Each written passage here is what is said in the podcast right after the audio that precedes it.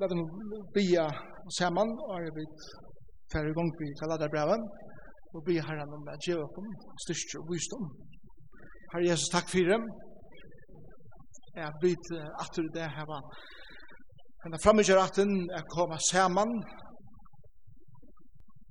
saman om ting. Kanskje for to erst han som eh, alt snur seg om Takk for at du er han som drever hun inn i at hun hjärsta. Og jeg ber her om at høvesgrundet for å komme her, her er han at vi kommer at hitta til sammen og kunne etja kvann annan og oppnå kvann annan ja, få egen vend og til og i okkara så utrolig imensko løvsomstøvum. Jeg ber for ene for som er her i dag at du vil sikne han, at du vil sikne henne, og at du vil hjelpe oss at fære heim annerledes enn vi kommer i det. Jeg vil da finne egene åpne i fire, anker i tunne året, anker nudgjø eh, oppenbering fra her, kan vi få egene og fire, hvordan underfullt det er,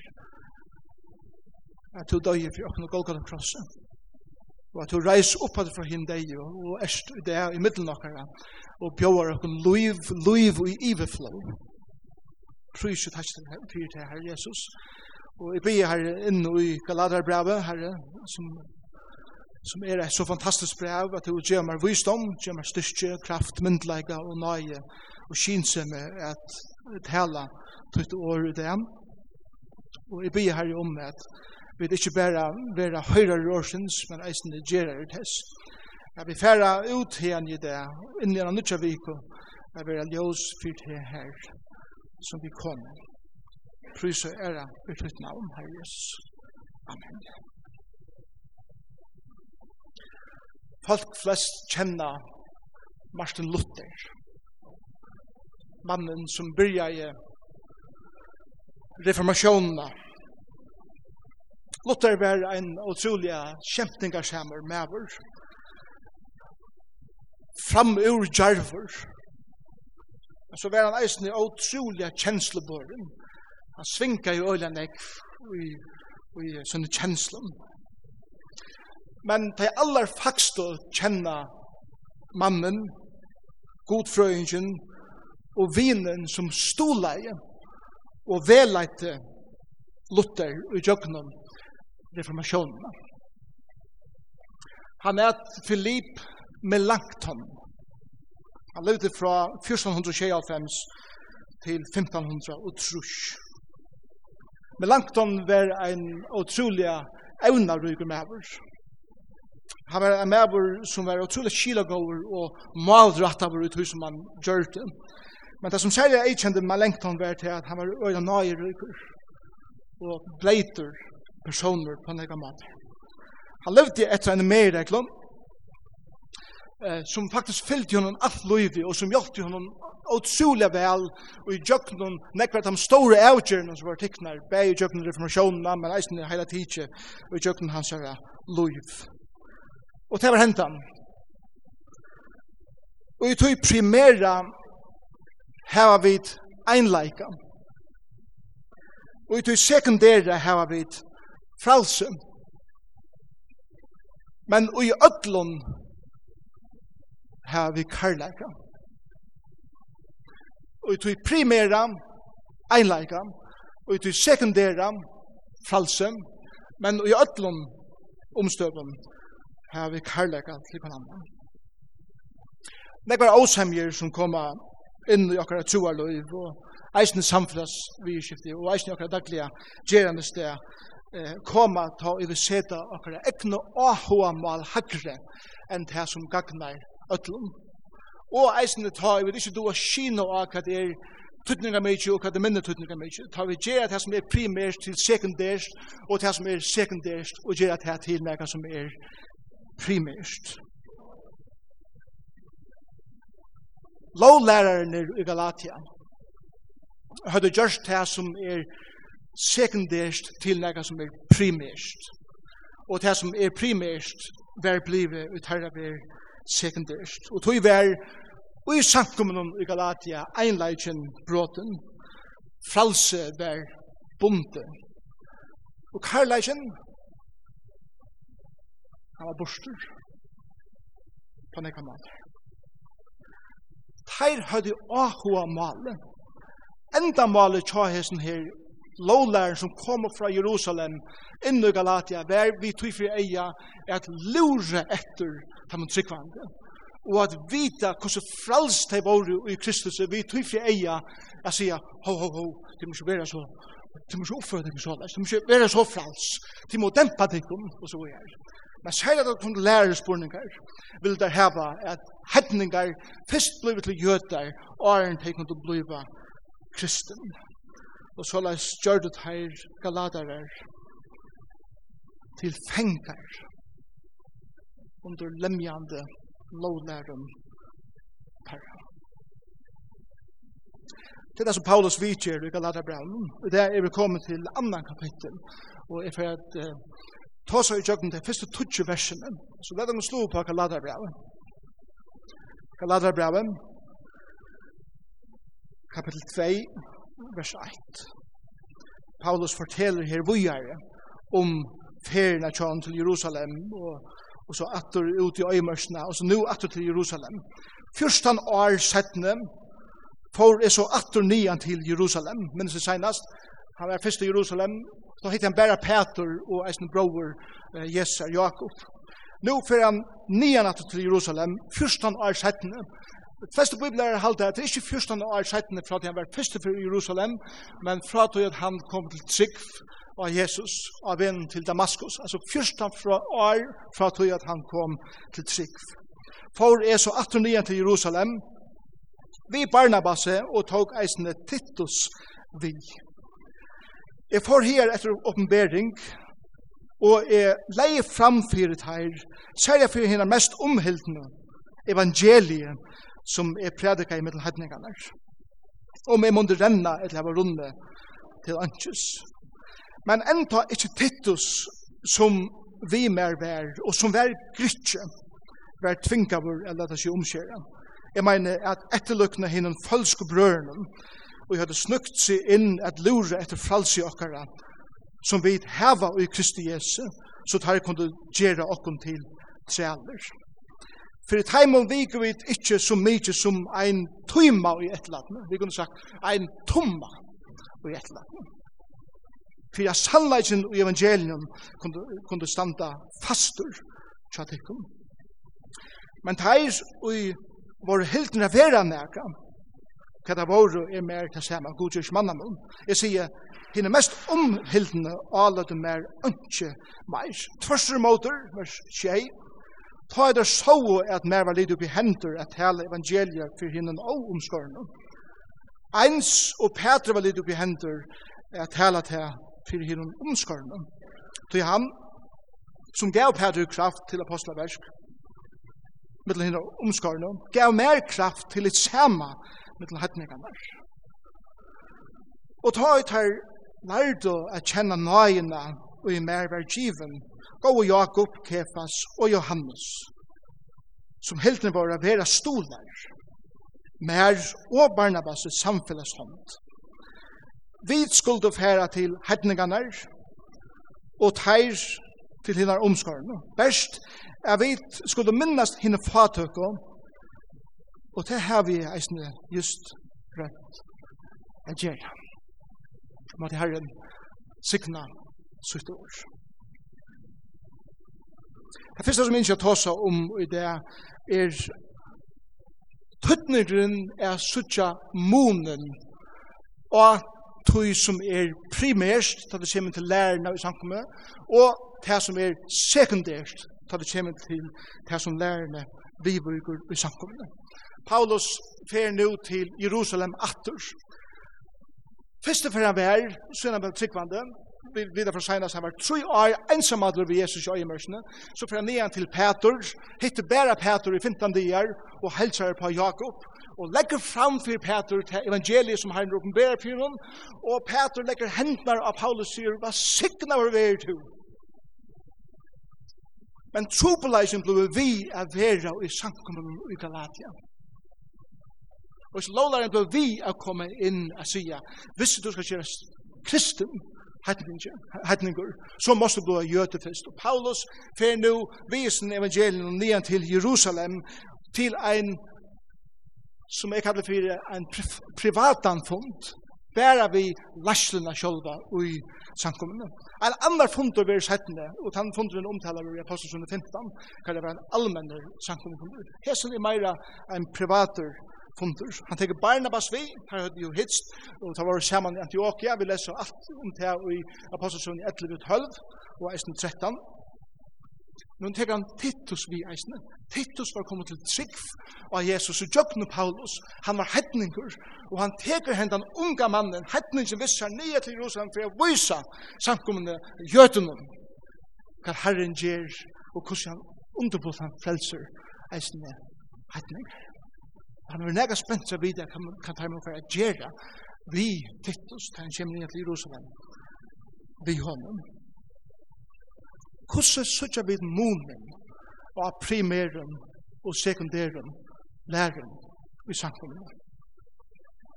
Beste maten av Kina av primæren og sekundæren sannleggen er at lota tunna sammen vi øre mennesken som eisen kjenner skriftene som tror. At ikke bare genga vi hisen her meining om ensamheter, men at testa der vi øre, Hva andre sier. Det som vi leser om i, i uh, teksten om Hebreit. At av samme hatt som Luther heie med langt om. Paulus heie Barnabas og nekva ånder som vi leser om i skriften om. Så har vi eisen bruk for å hava ånder som vi ser dere nye vi og sier hetta tuttinga mykje, eller det er bare nek som er brenne fyrir, som ikke er så tuttinga mykje, og er lett for nek og yte, eller, eller tett. Og Paulus hever Barnabas, han hever Titus, og nå fyrir han nian til hese leierne, Jakob og Peter og Johannes, som har fels vi herran, han lett evangeliet fram fyrir teir eisen. Hva er primære sannleikar? Ta det kommer til lærerne i samfunnet. Primære sannleikar er det som er alt avgjerande, grundlærerne, grundsulene, hva det kommer til lærerne. Hva er det til?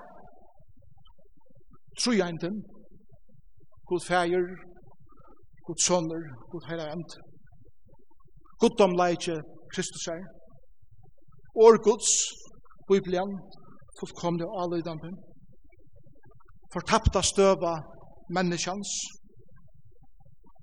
frelsa vi nøye, trygg eina, deie og oppreist Kristus er, at du kommer Jesus her, evenleikjen, når jeg er at han var i færre hjemme. Hesse er sannleikar som er verdur at berjast fyrir. Og om motsøkken er i meningen om hese tingene, så, så, så kunne vi få større trobeleikar i einleikan i samfunnet. Hva er det sekundære sannleikar? Sekundære sannleikar er det sannleikar som ikke er alt avgjørende i synden.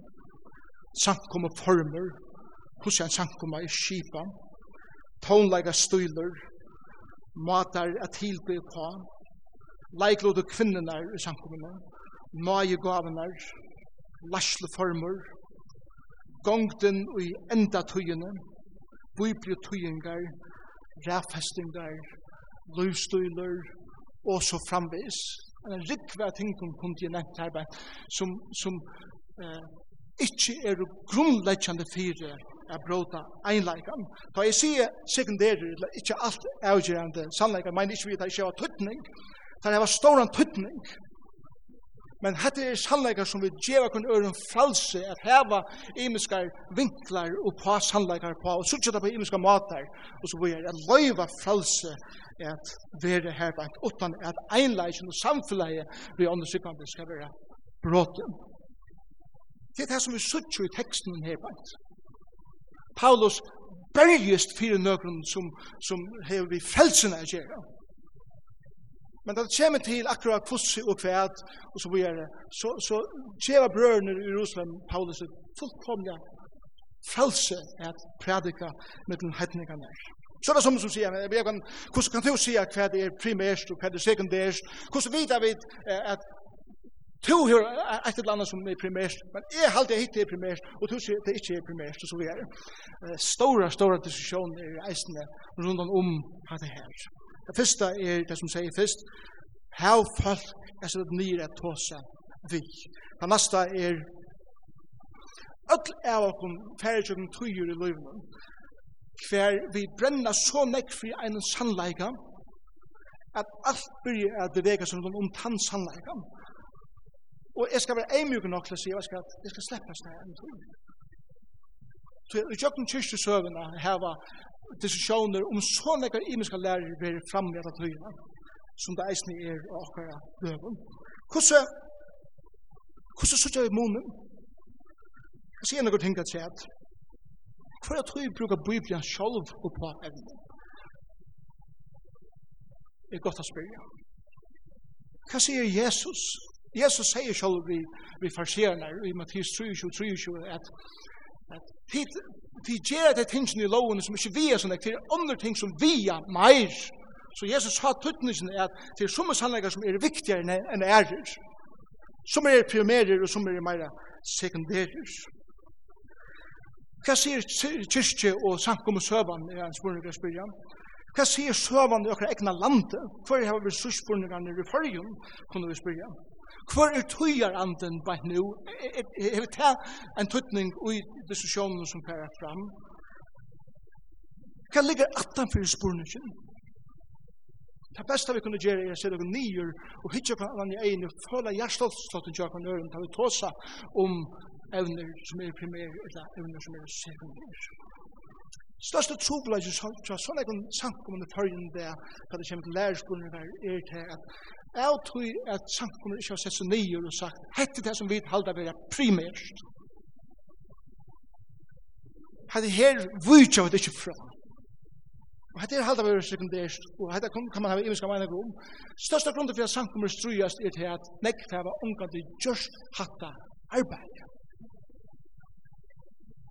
Og folk kommer inn i en møle mening om, og, og sankt må være slantra fra ene sui til en æra, og så videre. Og vi sier for at sedes nyer, som Lashlian sankt må sier, hette er det som vi halda er viktig for einleikene i samkomne, og hette berjas vi fyra. Men hese tingene løyva vi at falskje og gjør falskje at heva imiska meiningar om. Det er utrolig at trupult omrøy. Men vi må takla det på handa måten. Og tog spyr jeg til kjære vinner som er her i dag, Jeg tog en vin som Luther heier i Melanchthon. Jeg tog en vin som Paulus heier i Barnabas og, og, og i Timotheus og Lukas og Ørum, som, som man kan se det så nyer og tåsa om vi, om at det er spurningar som her hever tog en slik en person. Vi tar bruk for at jeg har fått at vela jakum, ratta jakum, ta et hørver jeg tog. Og til primære har vi et einleika, og til sekundære har vi et fralse, men i ötlun har vi et kærleika.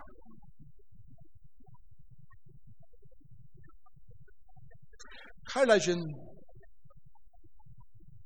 legger ikke ånei og byrar på andre.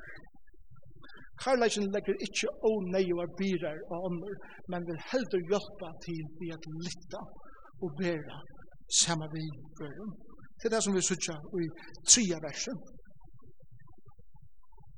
Men enda ikkje Titus som vi mer vær, og som vær grytje, eller hettningur, vær tvingtaver, eller det som skjer. Hvor? Tøy at Lashland i Jerusalem innså at omskjering skulle vi ikke gjør til primæren sannleika, som lovlærerne var kommet inn eisen i samfunnet av Jerusalem og søtte at om du skal gjøre som kristen, så må du lære deg omkjøre og ha det Moselov.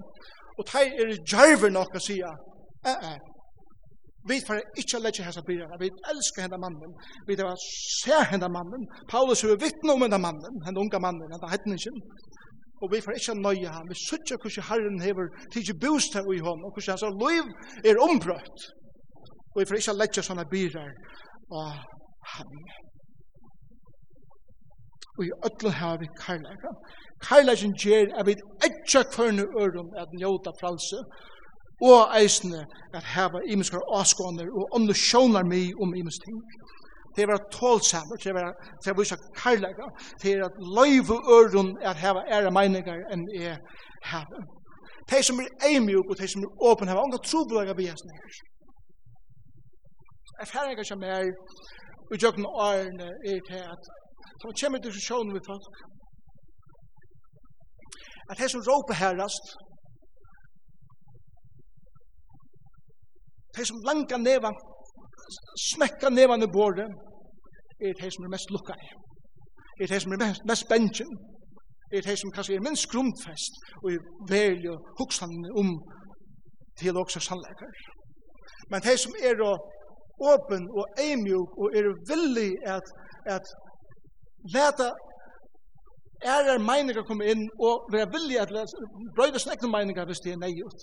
Det er mennesker som er førfyrir at elska andre mennesker. Lovlæren i Galatia har hørt en jødsk avskåan om kristne trunna. At ein kunde ikkje være frelstur utan du lærte omskjæra. For Paulus er hatta en primærer spurning. Hatta hever vi frelse spurningen er gjerra. Er det frelsa åttan versk, eller er det frelsa pluss versk? Hatta en primærer sannleikje.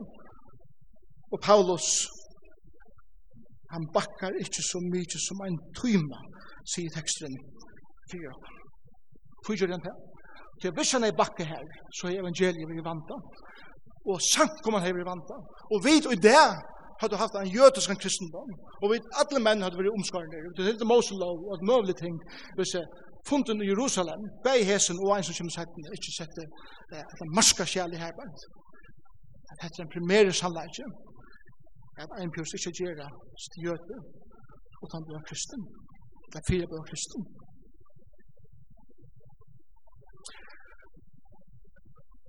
Læreren i Jerusalem så hette beina ved.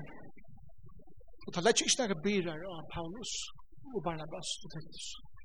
Ta er at Paulus er kallar til hedningene, som Peter er kallar til jødene. Ta er at maten er til hedningene på er en annen mat enn er ferdig til jødene og på. Og ta stola der under Paulus. Galatar kom og opprunnlega fra gaul landspersonen i Nord-Europa. Det var annerleis enn grikkar, det var annerleis enn romverjar, og det var pura annerleis enn jøtar. Men Paulus vaks opp i Tarsus, som ikke så lengt fra Lystra og Derby og Tegnboyen i Galatia. Han kjente tarra kultur, og visste hvordan han skulle færa til Galatia, jeg prædik evangeliet i fyrtheimen, og det så tar i Jerusalem, og da satt vi Paulus, signa vi til at færa til hatta folkastrengen. Et annars som lærer om kærleikan er til at kærleikan fyrir evangelien er større enn ötten fyrir lovlæreren. Hatt er utrolig viktig som sier bare tævend. Kærleikan fyrir evangelien er større enn ötten fyrir lovlæreren. Vi krupa alt for lagt. Vi er nekk for bengen av okkur, det er onkur som er råpa de inn og hever en sterska meining om nekka, og alt for kjøtt heisa vi flagge nye og djeva upp mengan. Det gjør det lutta mykje, det gjør det med langt om mykje, og det gjør det Paulus heldur ikke i hesen fyrir, Han sier vers 4, ikkje så mykje som ein tøyma pakka av som lå her.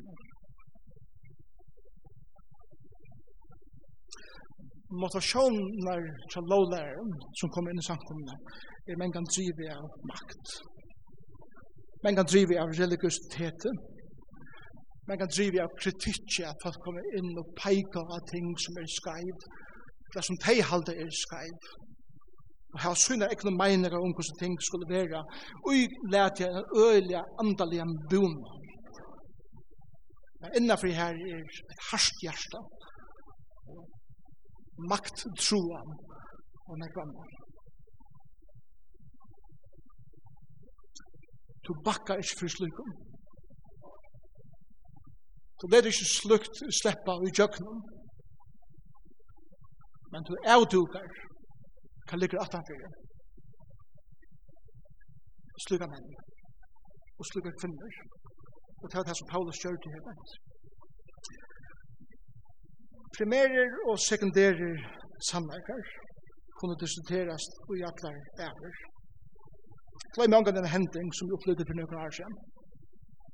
Vi så til Bors, tjega av oss, om enda spørningen skal kvinnan hava høttene et litje i samkommet okkar. Og jeg minnes det var en person her, nekker, som løpte så hardt. Dette var en primerer samleidje. Hvis man veik fra hæsson, så vet man bare fra meir og meir, og det enda bare vi kaos. Jeg minnes en av akkurat trobaren var heima. Og han sier om våre som er vi har kommet.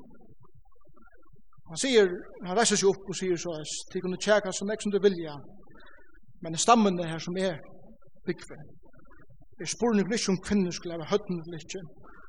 Til her er første brinket til ende dekka. Så tenk. Der sier det holmaknar og høyre årgods, og så sier jeg, for stille kunst, hvordan det ser ut i sammen kjem her, og det er så disse holmakne damene, sier vi hatt i høtten, og nå pryser Jesu. Det var akkurat som at jeg sette ting i perspektiv til meg. Det er en ting som vi kunne ha veldig størska meninger om. Og vi halda at at hatt er en primære sannleggelse som Bibelen lærer som er galdande for ødel, alla stemmer. Og for godt er det ikke få en røyndan trobor enn som lever i helt øren kulturen og gjør oss en innlit inn i jeg sutja munen av hva det er primært og hva det er sekundært. Bruks jo om akkurat trubor fra fyrjum som er farnir ut i fjærskotten land, helt fra Grønland til Nugenea, helt fra Russland til Philipsøsjønne, helt fra Thailand til Venezuela. Det er farnir ut alle vi samme båtskapen om at Jesus Kristus er frelsar i heimsens, og ønske anna skal til for at folk skal komme til trygg av Jesus. Men de beveger seg i så utrolig enn jeg kan imenskon mentanen og bakgrunden og folkasløven at maten de kom inn i evangelien på må lia seg etter hver er omstøver og hver en kultur vi et liv og. Vi må eisen skilja at hans sannleikan da vi beveger oss i okkar akkar egna ödjum, okkar egna landet. Og tog er det karlæsjen for evangelium er større enn ötten for lovlærer. Og vi skal tåra å stande opp. Men et annet som lærer om karlagan er det eisen heter at karlagan fra evangelium leter primære spurningar roa i vårt heimen sekundære. Da synes jeg vi i vers 6-8. Men teir i vår hildra vera meka, altså et lasland i Jerusalem som vi snakker om, teir avløtte okkom ønske meir. Her burde det haft et Amen! Så jeg vet er spesialister i å lese biler av folk. Her var spesialister til å si hvordan kunne vi lytte av så nek som mulig til at her var noe nek å bære i forveien. Og en stor grunn for at folk ikke kommer inn i akkurat samkommer og, og kyrkjer i akkurat landet er at vi lese. Det vi er lese biler av folk og i stedet for å lytte biler av mennesker. Stutt med oss det som Paulus sier her, Hetta var nakre menn, kvar det var kan gjera meir det sama. Gud tjú ikki manna, eg elski hattar. Við oss at hus og ja. Oh, lesla. læsla. Hattar jekva. Og Paulus sier, who cares? Om det jekva en læsla, men nekar annar. Gud tjú onga manna mun i samkommunum. Ta við er her vi har alla möjliga status i våra samfällan. Anker i hövenstarvon och onkel i minne eh, starvon och så vidare. Och intöknar tjocken som vi sitter här det är otroliga imenskar. Men god ger inte mannamon av någon inne i här bänt. Vi är ödlöjka tog slå det ansa efter att kedda kan annan på pedestal og så vidare och att börja tilby omkran og inte annan. Og hvis du kjem på pedestal som er att du never kort så vad signa väl det lärde och lejt ner av.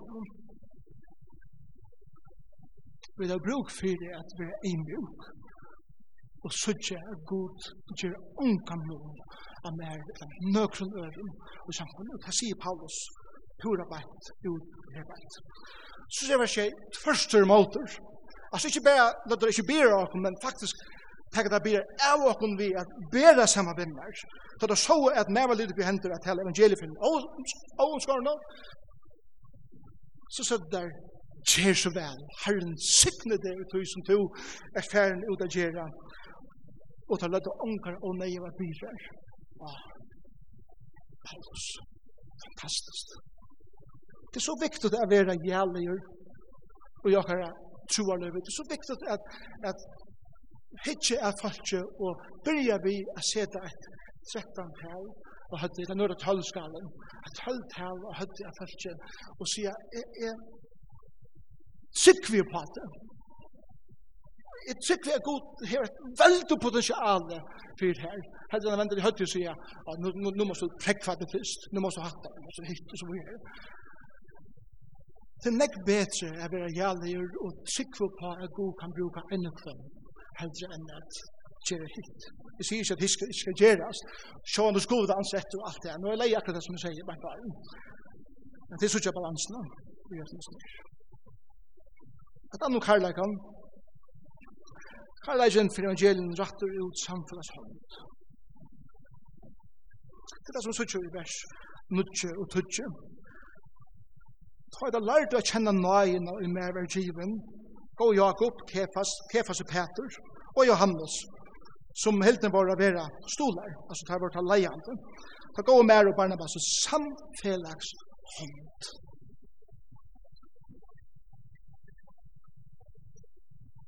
Samfellags hånd er så utrolig viktig. Det er det du har sier, jeg skal Det er godt for jeg vet at jeg imenska meninger om noen ting, og vi kjer at tingene på imenska mater, vi har imenska oppfattende, vi er øyelig imensk. Men Jeg stander sammen vidt her. Samflas hånd er eisen er velja verja nekram. Hvis du ikke tur og avlåpen av ankenøren, og jeg vil givet deg samflas hånd, så skal jeg verja det. Jeg skal bakka det opp. Du skal hava onkran at detta at du og om du vil furtur. Jeg skal genga saman vitt der. Jeg skal rattla rattleie det ta og til ferskaivur. Jeg skal tega om du ta det hur bruk for grata. Jeg skal flemma saman vitt at du hur bruk for flemma. Jeg skal fera saman vitt at du hur bruk for ferast. Og jeg skal være stytte saman vitt at du hur bruk for stytte. Det er Samfunnet sånt og tar djeva hese mennene som har fylst ved Jesus i ötles jo som kjenner Jakob er oppvoksen sammen med Jesus for at han var smadtronker bachan sier han Petor, Johannes, så Jesus. Levde vi henne og tar sier han Paulus to er sendt til hetningene som vi er sendt til jødene Herren sikne til tusen du gjerst, med vi gjør det som vi gjør gjøre. Jeg, jeg, jeg, jeg har vilja kunna leva flere liv. Jeg brenner for så nekvom ting. Men, men jeg kan bare gjøre etter sen. Men hvordan kan man bliva eh, nekka ut om seg sjølvan? Hvordan kan jeg bliva involvera meir i meir tænelse enn jeg er for å være liv? Det er vi har bliva interessert over i livet som tænelse og stola dem ut hos de gjør. Så jeg sjøkt om jeg ikke er ute her av fronteren, eller inni her og til romen, eller ut i henne som folk er og i, bøkstavlig som de er, Jeg tror at jeg vil gi dem samfunnshånd, og en ser meg for dem, og bi for dem, og stole dem, og er vitt dem og slik som jeg kan. Så tæn jeg eisen til å tænast. Og det gjør det her i Jerusalem eisen. Læsland og Jerusalem oppdea i herbeint, og her som fund privata funden i Paulus, at akkurat henne så kan være så reelnek større enn bare Jerusalem. Vi kunne være vi ut som Jesus sier til, enda gjerne vi er ikke samflasånd av Paulus som fer og ferast til enda gjerne. Så gjør det hvordan vi kunne brekka tjenestene i samkomne herbeint, vi er djeva øren samflasånd, kan vi da se hva det er som det brenner pyr. Hvor er vinnaren? Ødl. Det er Paulus og eisen samkomman i Jerusalem, men meir enn ødl. Legg meg ikke til vers 20. Best er vi skulle minnes henne fatak, og det har vi eisen det rødt. Jeg gjør det. Sier det? Samfunnets hånd gjør det at de som møvlig annars hadde vært glemt, få av det som dem tørrer. Vi er imisk, men hette gjør vi sammen. Vi tar okken av teimen fatøk. Mm, har ikke hørt det her før. Lukas 4. Jesus kommer fyllt andan og sier Herren hu kallar meg at kunngjøre evangeliet fire teimen. Hva? fatøk. samfunnshånd. At du har skilja munen av primæren og sekundæren sannleikum, og tåsa ikke jøkken til, til man kommer til her, jeg vet, standa saman og isen her, er at oppfylla det her som Jesus er fyrsten tog seg, at vi skulle gjøre. Trobolagen vi ikke gjør det, og at henga seg ui sekundærer og primærer spurningar, og det blir til tjæk, og det elve til skyldna, og alt det Ørsle det er det, at vi gjør ikke det som Jesus ber okkur gjøre. Så viktig det er det. Doa vi det er verja primære sannleikene, og vissokken om at tjattnen og grundarsteineren og evangelien ikke blir brøtters. Her er kynsemi i sekundæren sannleikum, er vira kan annars og mykje, er vil løyva kvann øren fralse, og at vera imisk, og at vera imiska meiningar, og tåra vi i ötlum vi i at elska. Og samme hatt som Paulus mengan, mengan vitna jo om hos gott det her viner, tås i Luther mengan, mengan om kan tøytning med langt om heie i hans alder. Og tar seg så, som langt an var vinteren under vantjen munnen, som gjør det med føran for jeg flikva som ørnen, så kan troble løten der og i reformasjonen. Men langt an sissa i menga Luther til tøyina, tar han ikke klare jeg styrer som egna sinnalær. Han var øyla kjenselborgen Luther. Men han sier Luther, jeg taler ångane betur enn ta og er i øyene, sier Luther. Luther. Melanchthon sværa i, nu, nu, kære Luther, det er en bedre mat. Guds folk høyra tøyna tæl og meg greiare, ta jo åren i ruiladen samkjenslo og nei. Og Luther sier amen. Sjøkna årene har jeg lært fra vinnen, og i samtalen om hos jeg evne. En rettelig einfalda mat er livet som med lantan. Og det heter, ta i åsemja er om av oss spurningar, gjer ta alt fire a skilja motparten. Skil fra motparten som er fra. Gjer hon tui a forklara. Vir Nummer 2. Om bægir partar hava tujandi argument. Finn så en vysan middleve vi flere velmøvelegg. Jeg har sikkert pratet med folk som, som har haft noen mening om et eller annet i en æra, og da vi var litt nere snakka, bare bare kom til å nødja. Og det gjør kunne være en bedre innlegg inn i sannleik. Nummer 3. Om åsamjan heldur å, Vois så tyn ahua er blå vi er vilja finna en løsn, heldur enn å smekke hurna og pære sted. Blå vi og vois ahua er kommet til en løsn. Nummer fyra, men kan åsemjan ikkje løysast. Røyne så skiljest utan å være fudgjent her. Så det kommer til det, nei, vi er vi tar inneska mennesker med det, og vi kunne til ikkje tjene sammen. Fær tar ikkje sunder som fudgjent her. Man vi tidsi mer, jeg kan sjama langt om, inni okra samliv, inni okra samkommer, og inni okra samkommer om at du gledst om mennesker som ikke er lyga som vi, som kommer fra øren bakgrunnen, som ikke hukser som er, om hvert heier. Og til primære har vi et einleika, og til sekundære har vi et fralse, og ødlom viser vi karlæka. En annan sier så, at eileikjen sender sånne rønt, tar jeg folk er ser imensk. Fralse sender sånne rønt, tar jeg folk ikke hukser som er. Og karlækjen sender sånne rønt, tar jeg bestan hoven, a sluta er rønt. Men enda vi en hending som jeg sjølver har opplivet. For jeg var i Kina for noen år siden. Vi vet at her et avholdende strøy i midten Nord-Korea og Sur-Korea. Og hans støvnene var kneser som lydde og ikke innlitt høyde inn i støvene i Norrøkørja. Men av disse stedene kom et per. Nok så nøygift per. Første tredje hun. Hun er fra Norrøkørja, han er jøte, men det er bygd for på Norrøkørja. Og det kommer å fortelle om støvene i landet. Hvordan tror på seg at han er her? Og jeg minnes første dagen, jeg synes ikke kinesiske leierne var sånn det skeptiske om at unga pære som har kommet fra Nordkorea til Kina. Men den tredje dagen, ta fer Aron, og jeg vet ikke hvordan han sier etter, han er fra Nordkorea, det fer opp å fortelle om det arbeidet som herren har kattet deg til i Nordkorea.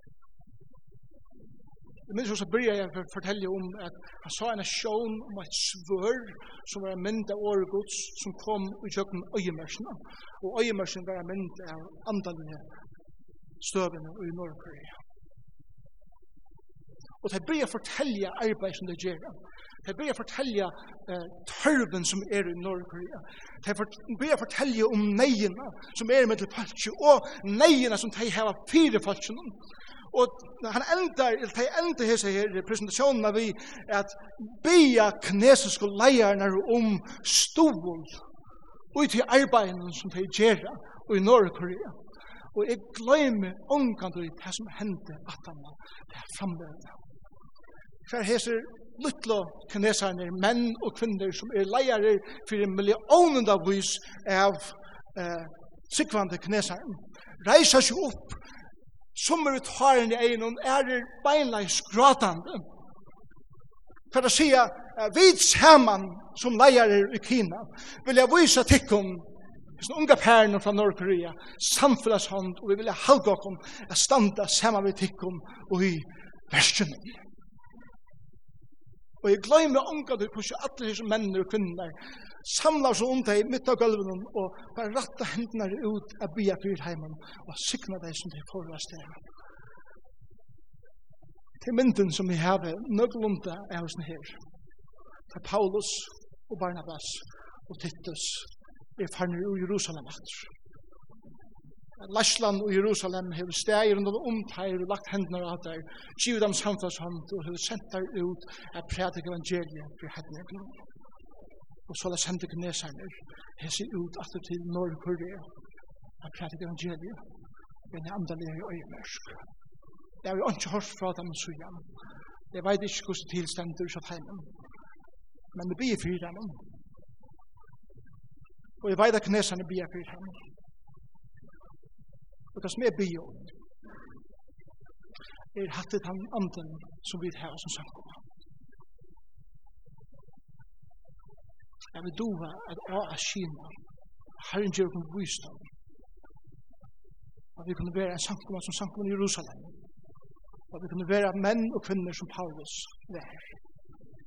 Som tåra a standa. Og som tåra brøytast. Og som tåra a elska. Så blir det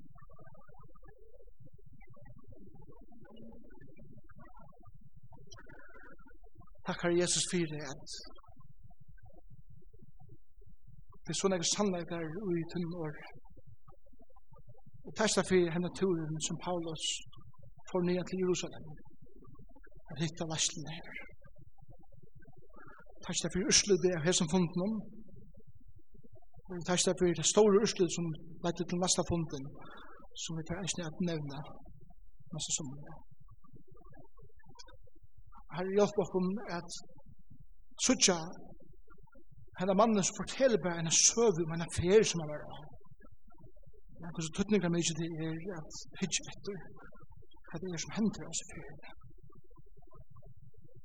Og takk da fyrir at det sterskaste anbøye tar standa i måte akaren frøren er a lot okkur ekne søv som er vitt her og tunne fölkje. Jeg blir med til å sikna samkomna, at du hjelper okkom, at du har avskina munen av primæren og sekundæren sannleikum. Hjelp okkom være åpen, at brøytast, og av imensjon økjon ut i sekundæra, men hjelp okkom å standa stinner og stinner, for det kjenner det primæra. Men i ötlum, hjelp okkom å elska, Amen. er